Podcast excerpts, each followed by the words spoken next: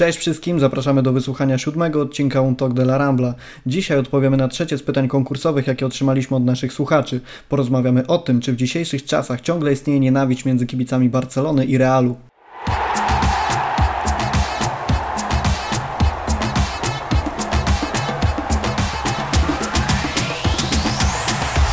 Na samym początku chciałbym Wam przedstawić naszego gościa specjalnego. Jest z nami Sebastian Warzecha. Witam, cześć. Były redaktor m.in. Ole, V-Magazyn, Retro Football, obecnie piszący na łamach Weszło. Jak sam wspomina o innych sportach niż piłka nożna, ale to ona jest najważniejsza.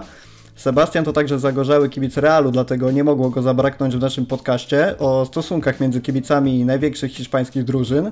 Drugim uczestnikiem podcastu jest dobrze Wam już znany redaktor fcbarca.com, czyli Maciej Łoś. Cześć, witam. A ja nazywam się Rafał Kowalczyk i zanim przejdziemy do głównych tematów rozmowy, zapraszam na szybkie szoty, czyli garść informacji z piłkarskiego świata, które nie są tematem podcastu, ale warto o nich wspomnieć. Nie milkną plotki dotyczące transferu Michała Karbownika. Estadio Deportivo poinformowało, że Polak może trafić do Realu Betis, ale możliwym kierunkiem jest także Sevilla, PSV czy topowe drużyny angielskiej Premier League. Wysoce prawdopodobne jest, że będzie to najdrożej sprzedany zawodnik z polskiej ekstraklasy i pobije rekord ustanowiony przez Radosława Majeckiego, którego AS Monaco kupiło za 7 milionów euro. Kicker podaje, że przeciągają się negocjacje w sprawie nowego kontraktu Manuela Neuera. Niemiec żąda 20 milionów euro za sezon i kontraktu do 2025 roku, na co nie zgadza się Bayern, oferując niższą pensję i umowę do końca czerwca 2024 roku. Ewentualny brak porozumienia mógłby wiązać się z transferem Neuera do Chelsea. 13 goli, 12 asyst w 34 meczach to za mało, żeby zaimponować Giuseppe Bergomiemu. Były kapitan Interu stwierdził, że autor statystyk, czyli Paulo Dybala, ciągle pozostaje w cieniu Ronaldo i Messiego, a jak sam mówi, żeby być mistrzem trzeba mieć niekwestionowaną pozycję w klubie i reprezentacji. Jeżeli ciekawi Was, jak przyszłość De Jonga w Barcelonie widzi Adam Krawczyk na portalu znany jako Pax, to zachęcam do przeczytania jego artykułu na fcbarca.com. Znajdziecie tam także przegląd najlepszych transferów Barcelony w XXI wieku autorstwa Marcina Poredy, czyli Ściacha, a także aktualności dotyczące kolejnych skandali z zarządem w roli głównej. Natomiast jeżeli interesuje Was zarządzanie marketing w klubach, to zerknijcie na pierwszy z serii moich artykułów poświęcony tym razem tematyce sponsoringu. Na początek przypominam o używaniu hashtagu Rambla. Bardzo ciekawią nas Wasze propozycje tematów, jakie możemy poruszyć w podcaście, komentarze dotyczące wydarzeń piłkarskich czy opinie wobec wyrażanych przez Was poglądów. Zamieszczajcie hashtag w swoich postach na Rambli, Twitterze czy w komentarzach na YouTubie. Dzięki niemu z pewnością Was znajdziemy i wspólnie podyskutujemy o piłce. Zanim jeszcze przejdziemy do głównych tematów, to chcielibyśmy zaznaczyć, że w ramach akcji Zostań w domu my również nagrywamy z naszych miejsc zamieszkania. Nie, nie, nie zebraliśmy się razem, dlatego mogą wystąpić pewne różnice w jakości dźwięku, za co najmocniej przepraszamy, natomiast jesteśmy pewni, że pomimo różnej jakości dźwięku, jakość samego podcastu i wartość merytoryczna pozostanie na wysokim poziomie. I przechodząc już do, do tematu naszego podcastu, czyli odpowiedzi na pytanie konkursowe, które zajęło trzecie miejsce. Autorem jest Sebasek Seba. Zadał nam następujące pytanie. Jak według Was wyglądają teraz wzajemne stosunki kibiców Barcelony i Realu Madryt, zwłaszcza na gruncie hiszpańskim? Z jednej strony ze względu na większą globalizację i jednocześnie mniejszą tolerancję dla agresywnych kibiców, radykalnych poglądów na stadionach itd. Tak mógł ten konflikt na tej linii lekko wygasnąć, lecz w ostatnich latach pojawiły się, czy może też nasiliły na nowo napięcia polityczne związane z separatyzmem Katalonii. Wpłynęło to jakoś mocno na fanów obu zespołów, czy już to spotkanie jest bardziej rywalizacją sportową i kontekst polityczny ponadsportowy leży już na całkowitym uboczu. Ja na początek chciałbym Was zapytać, jak to wygląda w Waszym przypadku. Może zaczniemy od naszego gościa specjalnego. Jakie jest Twoje takie, wiesz, prywatne zdanie na temat, jak Ty postrzegasz kibiców Barcelony? Czy, czy, czy raczej ta nienawiść kwitnie, czy, czy, czy może przyjaźń? No nie wiem, co o tym sądzisz? Wiesz co, ja mam tyle, o tyle ciekawie, że Teraz może mniej, bo oglądam głównie siatkówkę, ale jak byłem mały, miałem powiedzmy tam z 7-8 lat i zaczynałem się interesować piłką tak na poważnie, to mój tata kibicował Barcelonie, więc nie poszedłem w jego ślady. Ale, ale jakby no od początku no, no, no, nie będę jechać po swoim tasie, tak? Nie będę go wyzywać ani nic takiego, więc jakby od początku byłem nauczony tego, że raczej po prostu kibica drugiej drużyny trzeba szanować i, i żyć z nim zgodzie. Bardzo lubię jakieś internetowe przepychanki, ale takie z przymrużeniem oka, bo to wiadomo, zawsze dodaje smaczku. meczom. E, natomiast no, najlepiej o tym, że nie mam problemu z kibicami Barcelony chyba świadczy fakt, że zresztą regularnie wchodzący na FC Barca, więc pewnie usłyszy i pozdrawiam od razu. E, Dawid z imienia był moim współlokatorem przez rok, jest kibicem właśnie Barcelony. Zresztą mam do niego bardzo dużego pecha, bo oglądaliśmy chyba do tej pory 4 albo 5 klasyków razem i ani razu realnie wygrał w tym czasie. No to rzeczywiście miał pecha. Maciek, a jak to u Ciebie wygląda? Teraz nasi słuchacze tego nie widzą, ale siedzisz w koszulce, siedzisz w, koszul w koszulce Barcelony. Czy, czy pozwoliłbyś, żeby koło Ciebie usiadł teraz ktoś w koszulce Realu, czy raczej niekoniecznie? Nie no, jak najbardziej e, nie miałbym problemu z tym, żeby, e, żeby porozmawiać poważnie o piłce z kibicem Realu, ale też muszę odnieść się do, do przeszłości, ponieważ e, też w czasach dzieciństwa na podwórku większość chłopaków kibicowało Realowi. Ja byłem w zdecydowanej mniejszości kibiców Barcelony i jednak te, te spory, przynajmniej słowne, były bardzo częste i, i za czasów takich, takiego mało lata to, e, to jednak było naprawdę e, sprawa życia i śmierci czasami, czy, e, czy wygra Real, czy wygra Barcelona. No teraz to się zmieniło, teraz to już podchodzimy myślę wszyscy do tego bardziej, bardziej poważnie i z szacunkiem do rywala, ale jednak takie drobne, drobne psztyczki w, w, kierunku, w kierunku przeciwników nie są, nie są niczym złym według mnie. No dobra, w takim razie jak wygląda to według Was na gruncie hiszpańskim? Yy, odpowiadając tutaj na część pytania naszego użytkownika, bo on właśnie zaznacza, że interesuje go ten temat przede wszystkim hiszpański, więc od niego zacznijmy. Czy, czy sądzicie, że to nastawienie jakby z czasem nabrało wyłącznie takiego wymiaru sportowego, czy mimo wszystko te te, te zaszłości historyczne nadal są gdzieś w, w kibicach żywe, no bo jakby wiemy, jak wygląda historia meczów Barcelony z Realem i że to podłoże polityczne, podłoże historyczne jest, no można powiedzieć, kluczowe. Jak wy to widzicie? Może zaczniemy od sobie jeszcze raz. Na pewno jest to podłoże historyczne ciągle aktywne. Natomiast myślę, że ona jest aktywna głównie wtedy, kiedy ktoś ją umyślnie przypomni. Czy to, nie wiem, hiszpańskie dzienniki, które wiemy, że bardzo lubują się w nakręcaniu atmosfery, czy, czy po prostu ktoś gdzieś na jakimś forum. Natomiast tak na, na co dzień ona raczej nie odgrywa większej roli. To, to nie jest tak, że co chwila ktoś przypomina to 11 do 1, że co chwila ktoś przypomina, że, że Real był klubem Franco czy, czy jakkolwiek to, to się pojawia może w jakichś kłótniach jako jeden z argumentów, ale nie wydaje mi się, żeby odgrywało tak e, znaczącą rolę. Tym bardziej, że e, jak dostałem od was ten taki pliczek z tematami, które mają być poruszone, tam był wymieniony na przykład transfer Figo historycznie. On też już troszkę odchodzi w niepamięć, bo no minęło od tego już kilkanaście lat. Przyszło kolejne pokolenie albo dwa pokolenia nawet kibiców, bo to troszkę szybciej się zmieniają te pokolenia kibiców niż, niż e, tak normalnie w życiu gdzieś tam pokolenia, więc oni o tym już nie pamiętają. Oni co najwyżej mogą pamiętać, że nie wiem, Gerard Piqué coś powiedział 2-3 lata temu. Więc te, te historyczne zaszłości zanikają powoli i pojawią się pewnie nowe, które, które będziemy pamiętać za 5-10 lat. Natomiast to, co działo się nie wiem, w latach 80., 70., czy jeszcze dawniej, już, już nie jest tak istotne. No właśnie, bo mi też się wydaje, że to jest raczej tak, że te, te wszystkie wydarzenia, oczywiście bardzo ważne, o których nie można zapomnieć, stworzyły pewien fundament pod tę rywalizację sportową. Natomiast teraz na dobrą sprawę większość osób nawet, nawet nie zdaje sobie za bardzo sprawy, jaki był przebieg tych wydarzeń i też, też wydaje mi się, że jakby one czytając o tym wszystkim z książek, czy dowiadując się też od starszych kibiców, mimo wszystko nie czują tego aż tak bardzo i gdzieś ten aspekt sportowy, który został zbudowany na historii, znacznie tę historię już, już może nie wykluczył, ale przyćmił. I, I to wszystko idzie raczej w stronę, w stronę sportu, w stronę rywalizacji dwóch wielkich drużyn. A ty, Maciek, jak to widzisz? Znaczy, obecnie w, teraz w tych czasie kwarantanny mamy możliwość oglądania e, na wielu kanałach sportowych e, powtórek El Clasico z dawnych lat i, i patrząc na te mecze sprzed 10-15 lat, to czuć taki dodatkowy dreszczyk emocji. Taki, ja nie czuję tego na przykład obecnie e, oglądając mecze Realu Barcelony. Brakuje mi właśnie trochę, trochę tego fanatyzmu wśród kibiców, wśród, wśród grup takich jak Ultrasur na, na Bernabeu czy Boyszos Neusch na, na Camp Nou. Ale mimo wszystko wydaje mi się, że, że ta historia i, i polityka cały czas są ważne.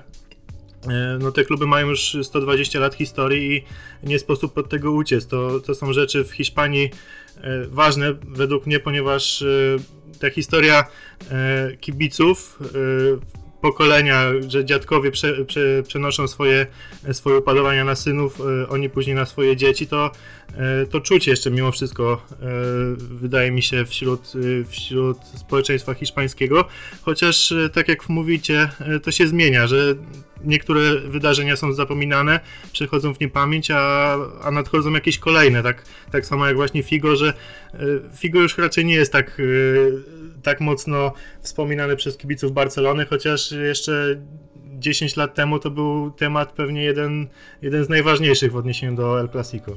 No tak, ale odniosłeś się tu do tych zaległych, El, nie zaległych El Clasico, tylko do, do minionych El Clasico i, i że te emocje trochę jakby ustępują, a nie wydaje się, że to jest, nie wydaje wam się, że to jest trochę dlatego, że jakby zmieniło się, zmieniły się składy, zmieniła się też sytuacja ligowa. Mam na myśli to, że jeszcze niedawno te mecze El Clasico to była rywalizacja Ronaldo i Messiego, była rywalizacja Mourinho z Guardiolą.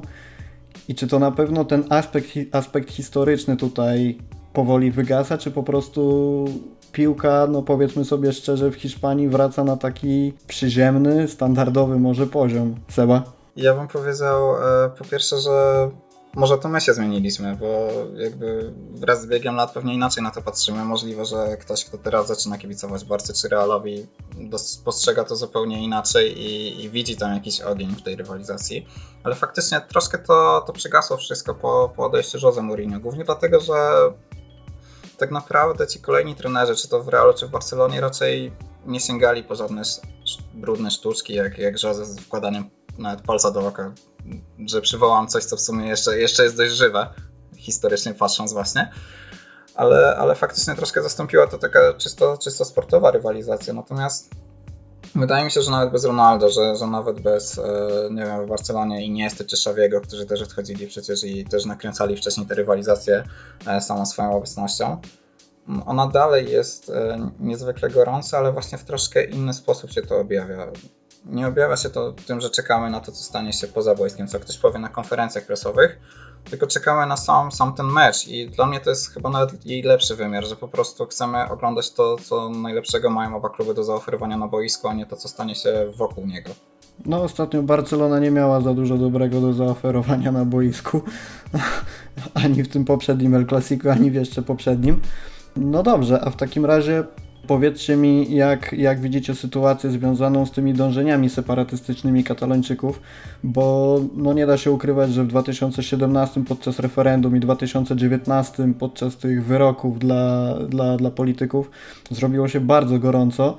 E, ja od siebie powiem, że moim zdaniem to się nie do końca przełożyło na, na atmosferę między kibicami Realu i Barcelony, w tym sensie, że jakby to był taki duży impuls w całym społeczeństwie, to było, było bardzo agresywnie wtedy w całej Hiszpanii i, i okej, okay, odwołali El Clasico, racja, natomiast wydaje mi się, że to było takie bardziej jednorazowe wydarzenie, które zaogniło sytuację i z czasem, przez te kilka miesięcy, jakie już minęło od, od tych wydarzeń, to wszystko wróciło na taki swój normalny poziom. Nie wiem, czy się ze mną zgodzicie, czy, czy może teraz właśnie te napięcia będą rosły? Jak, jak wy to widzicie, Maciek?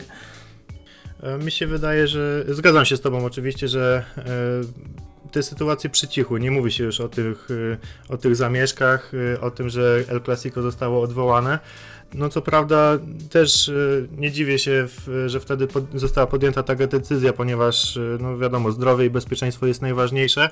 Byłoby naprawdę źle, gdyby, gdyby stało się coś poważnego wtedy podczas, y, podczas tych zamieszek nie wiem, piłkarzom czy, czy kibicom z Madrytu, dlatego uważam, że to była naprawdę dobra decyzja, żeby przełożyć to El Clasico i zostało ono rozegrane w naprawdę dość spokojnej atmosferze i nie było czuć już wtedy tego napięcia. A takie sytuacje chyba będą wracać właśnie E, właśnie podczas różnych rocznic, tak jak, e, tak jak właśnie, albo, albo w takich sytuacjach, gdy, gdy tak jak przy ostatnim El Clasico tym listopadowym zostały wydane wyroki dla, dla polityków katalońskich, to społeczeństwo katalońskie oburzyło się, bo rzeczywiście ta sprawa mogła ich oburzyć, ponieważ to były naprawdę dość, dość surowe kary. Nie wiem, czy adekwatne do czynów, nie, nie będę się w to zagłębiał, ale też rozumiem katalończyków, że, e, że mogli, mogli być źli, e, zdenerwowani przez tą sytuację, ale z drugiej strony też nie powinno dochodzić do takich momentów, gdzie, e, gdzie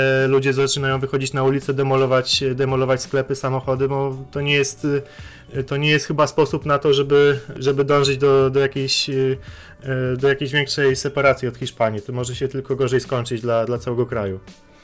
No ja od siebie jeszcze dodam, że to przełożenie meczu było mi bardzo nie na rękę, bo miałem bilety na niego. I, i, i bilety na mecz, i bilety na samolot, także jestem jedną z tych osób, które trochę ucierpiały na tej decyzji, no ale nie, już trudno.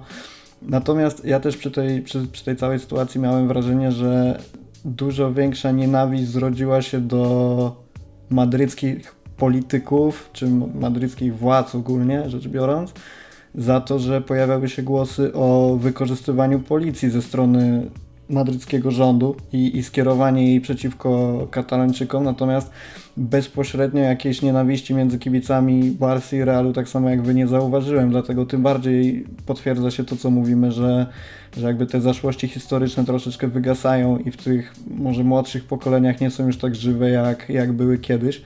Natomiast y, jestem ciekawy, co powiecie na taki temat, że piłka nożna staje się coraz bardziej globalnym zjawiskiem, tego nie da się w żaden sposób ukryć.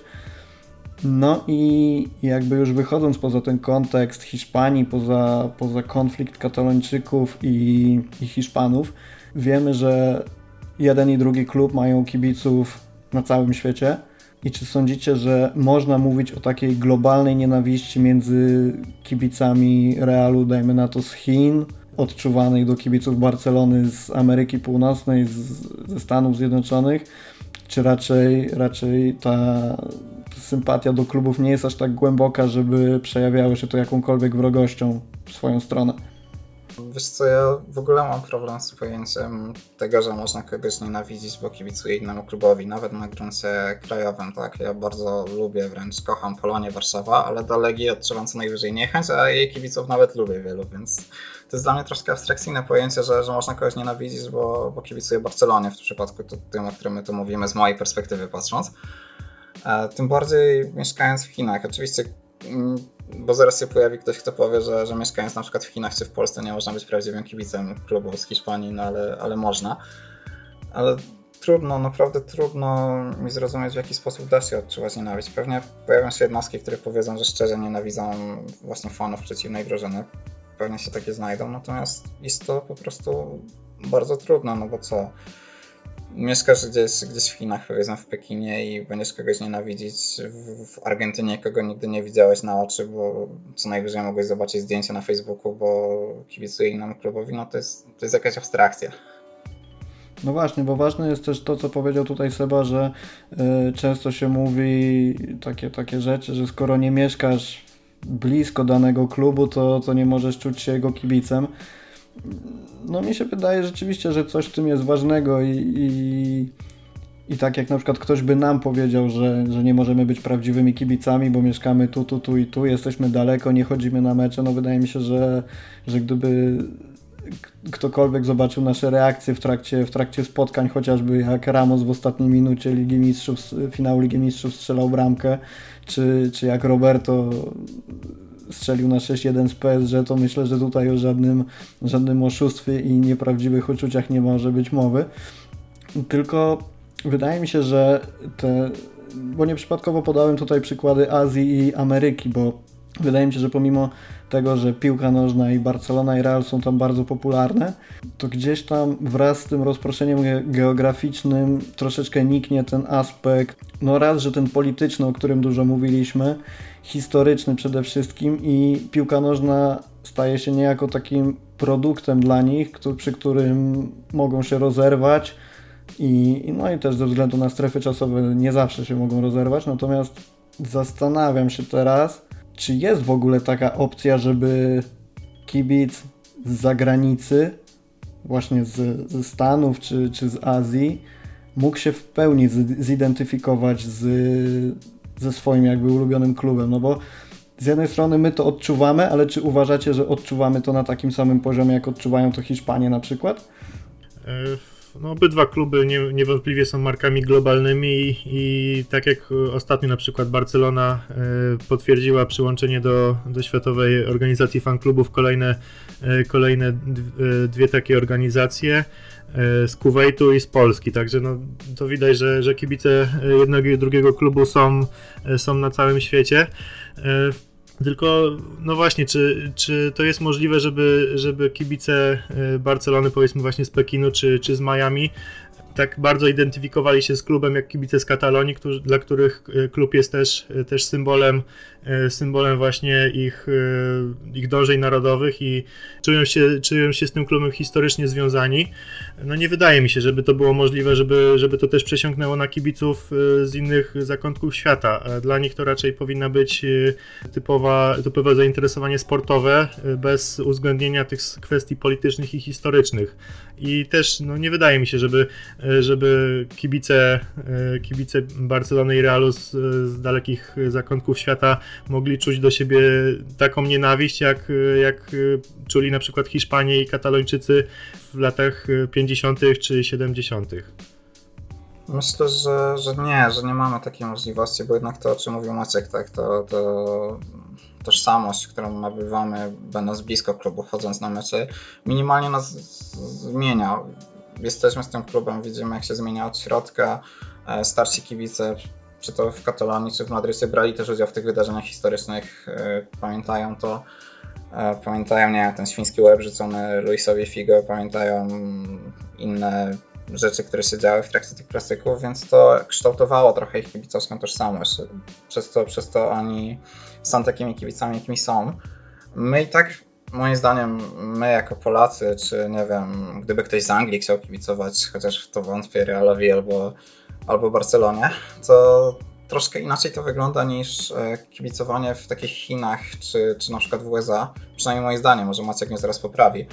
Ale my, czy Anglicy, mamy te tradycje kibicowskie dość e, głębokie, już przez dziesięciolecia zakodowane, co prawda na gruncie własnego podwórka, jednak praktycznie wszędzie spotkamy kogoś, kto kibicuje, tak? Ja jestem z, województwa śląskiego, więc jakbym pojechał do Katowic, no to GKS, Ruch, Górnik i tak dalej, i tak dalej.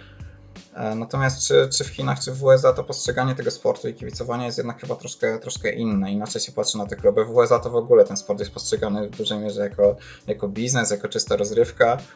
Tam raczej nikt nie szarpie się, żeby umierać za kluby, chociaż kibicuje. To, to jest inny rodzaj kibicowania i troszkę inaczej się na to wszystko patrzy, również w kontekście właśnie tych wielkich klubów, które próbują tam e, zakodować tę sw swoją tożsamość u, u tamtejszych kibiców. No właśnie, no właśnie, to jest ważne, co mówisz, że ten, ten rodzaj kibicowania jest też inny, bo no, zgodzę się z Tobą, że Polacy mają wyjątkowo, wyjątkowo, może nie powiem agresywne, ale takie zażyłe stosunki z, z piłką, z kibicowaniem. A Ty, Maciek, jak to widzisz? Czy, czy związek na odległość z klubem wchodzi w grę, czy raczej, raczej nie ma szans to wypalić w takim samym stopniu, jak gdybyś miał Barcelonę, no, czy, czy, czy swój ulubiony klub gdzieś na miejscu koło siebie? Znaczy, oczywiście czuję się kibicem Barcelony, ale też y, wiem dobrze, że nigdy nie będę takim kibicem jak, y, jak y, człowiek, który mieszka, mieszka w samej Katalonii. I, I, zgadzam się z Sebastianem, że, że nie można po prostu ujednolicać wszystkich, wszystkich kibiców, ponieważ to chodzi o kwestię, kwestię tego, gdzie się mieszka, gdzie się wychowało i i właśnie e, fani e, Barcelony czy, Realu z innych kontynentów będą inaczej postrzegać, postrzegać te, e, te wydarzenia, te same wydarzenia jak, jak ich odpowiednicy w Hiszpanii. Dlatego, no, tak jak mówię, ja się czuję kibicem Barcelony, ale nigdy nie będę takim Barcelończykiem z krwi i kości. No okej, okay, a przechodząc do kolejnego punktu. Mm, Wiemy, że teraz w piłce nożnej, w całej dyscyplinie sportowej, już bez względu na kluby, czy też można uogólnić w zasadzie na, na sport, dąży się do tego, żeby jak najbardziej wykluczać jakieś niepożądane zachowania.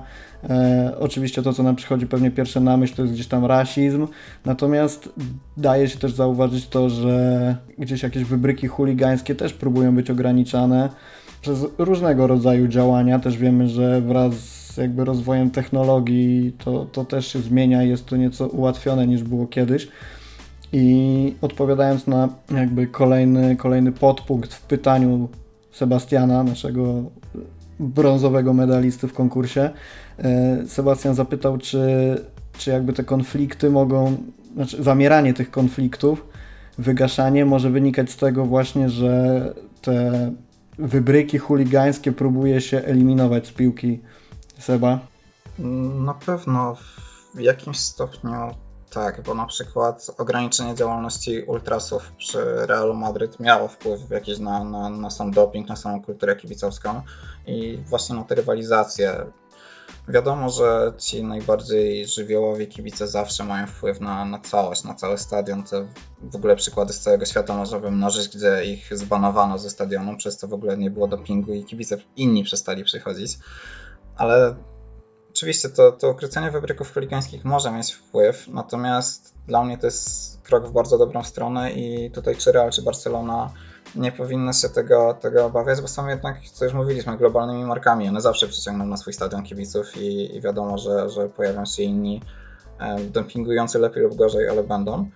I ta rywalizacja bez chuligaństwa moim zdaniem jest lepsza, tak? Jest czystsza, jest e, ciekawsza, co już mówiłem, na, na boisku, nie, nie poza nim i może nie czuć aż takiej energii, może nie czuć aż takiej, e, takiego ognia, ale mimo wszystko, jeśli ma to oznaczać, że nie będzie też, nie wiem, pobić, nie będzie rasizmu, o którym wspomniałeś, nie będzie, nie wiem, rzucanych butelek, chociaż to pewnie się zawsze w jakieś pojedyncze trafią, czy, czy, czy zapalniczek, czy czegokolwiek na boisko, no to ja jestem jak najbardziej za i nawet jeśli kosztem troszkę, troszkę tej, tego ognia w tej rywalizacji.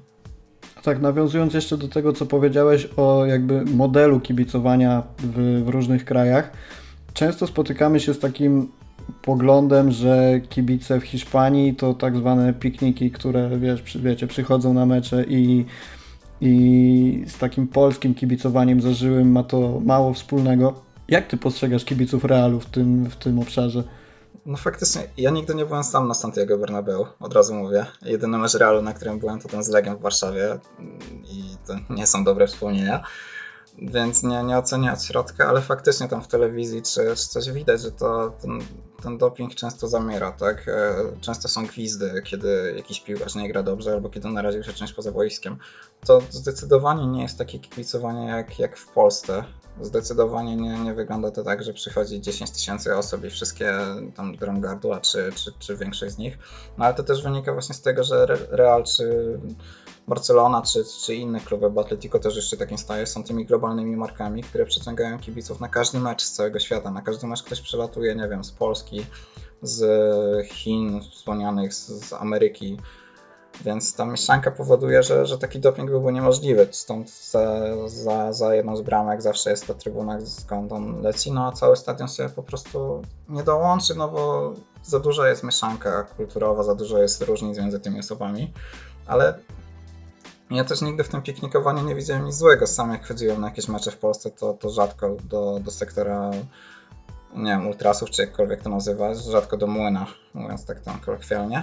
A raczej wolę sobie posiedzieć i po prostu skupić się na grze, więc dla mnie to jest jak, jak najbardziej okej. Okay. No właśnie, bo ja miałem przyjemność być na dwóch meczach Barcelony w tym sezonie przeciwko Realowi Betis i i lata temu już y, byłem też na pamiętnym meczu Barcelony z Atletico w ostatniej kolejce Ligi Hiszpańskiej, jak tam ważyły się losy o mistrzostwo i nie do końca pamiętam jak to odczułem w 2000, to był chyba 14, jak dobrze pamiętam.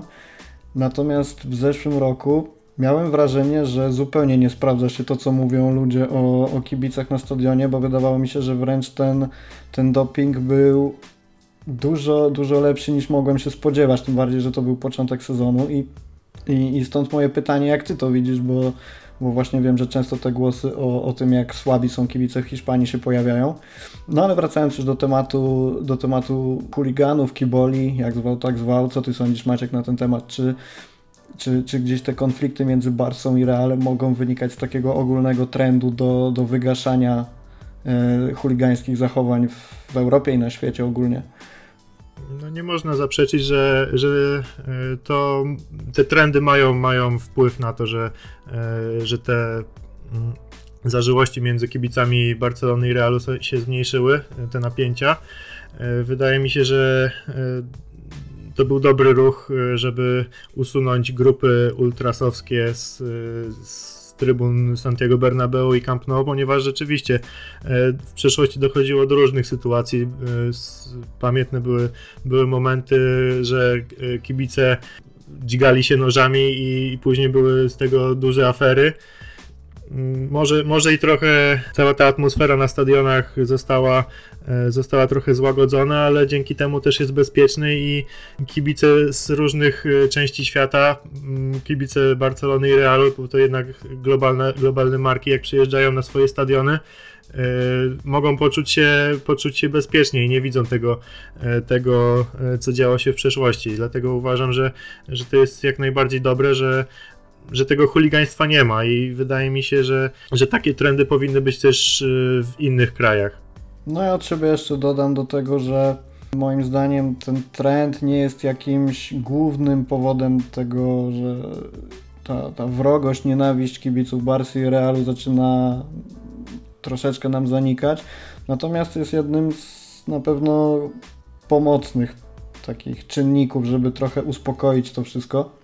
Jeszcze mam do Was takie pytanie, e, bo wspomniałem o, o rozwoju technologii, tym, że, że to zaczyna przenikać piłkę i zaczyna przenikać między innymi też w takim obszarze komunikacji między kibicami. Wiadomo, że, że Facebook, że Instagram, Twitter, no i wszelkie, wszelkie media społecznościowe e, są przepełnione różnymi rodzajami dyskusjami. No i, i o ile część jest merytorycznych, powiedzmy sobie szczerze, pewnie ta mniejsza część, tak, tak często pojawiają się różnego rodzaju takie komentarze, powiedzmy sobie szczerze, na bardzo niskim poziomie. I czy nie wydaje Wam się też, że jakby te takie komentarze poniżej pewnego dozwolonego poziomu, w których merytoryki jest raczej mało, a, a dominują wulgaryzmy wobec drugiej strony, nie powodują czegoś takiego, że jakby my teraz postrzegamy kibiców Barsy czy kibiców Realu przez pryzmat tych głupich komentarzy, a, a w rzeczywistości to jest trochę inaczej. Seba, jak się do tego odniesiesz? Mm, myślę, że dużo zależy od tego, no, tak jak mówiłem na początku, tak, mój tata był kibicem Barcelony, mam znajomych kibiców Barcelony, których bardzo lubię, więc e, no nie postrzegam fanów Barcelony jako ogółu przez pryzmat tych komentarzy w internecie, tylko przez pryzmat tych osób, które, które znam i które, które lubię, więc w moim przypadku tak to wygląda. Natomiast faktycznie myślę, że jeśli natknie się na taką chciałem użyć słowa dyskusja, no ale to często trudno nazwać dyskusją, po prostu obrzucanie się wyzwiskami wzajemne. Jeśli natknie się na coś takiego ktoś, kto z hiszpańską piłką nie ma wiele wspólnego, to może tak pomyśleć, może pomyśleć, że, że to jakaś dziecinada, że to piaskownica. Gorzej, jeśli tam się pojawiają, a widziałem takie rzeczy w internecie, nie wiem, życzenia śmierci nawet, tak, bo, bo i takie, takie rzeczy na Facebooku czy Twitterze są no to wtedy też nie dzieci nada piaskownica, tylko coś znacznie, znacznie gorszego. Internet jako sieć łącząca wszystkich ze swoimi mediami, z Facebookiem, Twitterem, Instagramem i całą masą innych, których możemy użyć, e, stał się miejscem, w którym wiele osób może się wyżyć, może to zrobić anonimowo, bez, zwykle bez konsekwencji. I to powoduje, że, że no to trafiamy, tak? Gdyby ktoś taki stał naprzeciwko nas twarzą w twarz, to pewnie nic takiego by nie powiedział, no ale w internecie może to zrobić. Złe jest też patrzenie przez takie właśnie jednostki na, na ogół fanów, bo wiadomo, że, że to są jacyś radykałowie, jacyś ludzie, którzy gdzieś tam stoją, jakby rozciągnąć taką skalę na, na brzegu i tylko, że oni często są najgłośniejsi i to przez nich postrzeg postrzegamy całe grupy, zresztą tak jest nie tylko z kibicami, ale ogólnie w społeczeństwie. Więc e, musimy po prostu nauczyć się, że, że takich ludzi najlepiej ignorować, a patrzeć przez pryzmat tych, tych kibiców, którzy są, no mówiąc już kolokwialnie, ogarnięci, bo chyba tak to trzeba nazwać. A, a jakie ty masz podejście do czegoś takiego, że na przykład widzisz dyskusję na Twitterze czy, czy na jakiejś stronie internetowej i, i pojawia się komentarz kibica Barcelony w stylu, że Ramos to, to, to i tamto, a, a, sędziowie, a sędziowie to w ogóle wprowadzili Real do finału i, i powinni im trzy Ligi Mistrzów zabrać a, a najlepiej jeszcze ze dwie ligi hiszpańskie, bo tam w 90 minucie w 17 kolejce 4 lata temu to była ręka przed polem karnym, a nie, a nie w polu karnym i to całkowicie ustawiło ligę. Reagujesz na takie coś? Próbujesz jakoś no nie wiem, odpisywać, dyskutować, yy, tłumaczyć, jak, czy, czy, czy raczej olewasz ten temat? Tak, komentarze w stylu, że jakby mu cegły do butów wsadzić, to już nie byłby taki cwany. E, nie, to wszystko zależy od tego, jak to jest napisane, bo mm, zdarzają się takie komentarze napisane językiem, w którym nie ma wyzwisk, nie ma, nie ma przekleństw, nie ma niczego takiego, więc okej, okay, mogę wejść w dyskusję, mogę jakąś tam polemikę zastosować. Czy się uda kogoś przekonać do czegoś, czy nie, no to już jest inna sprawa.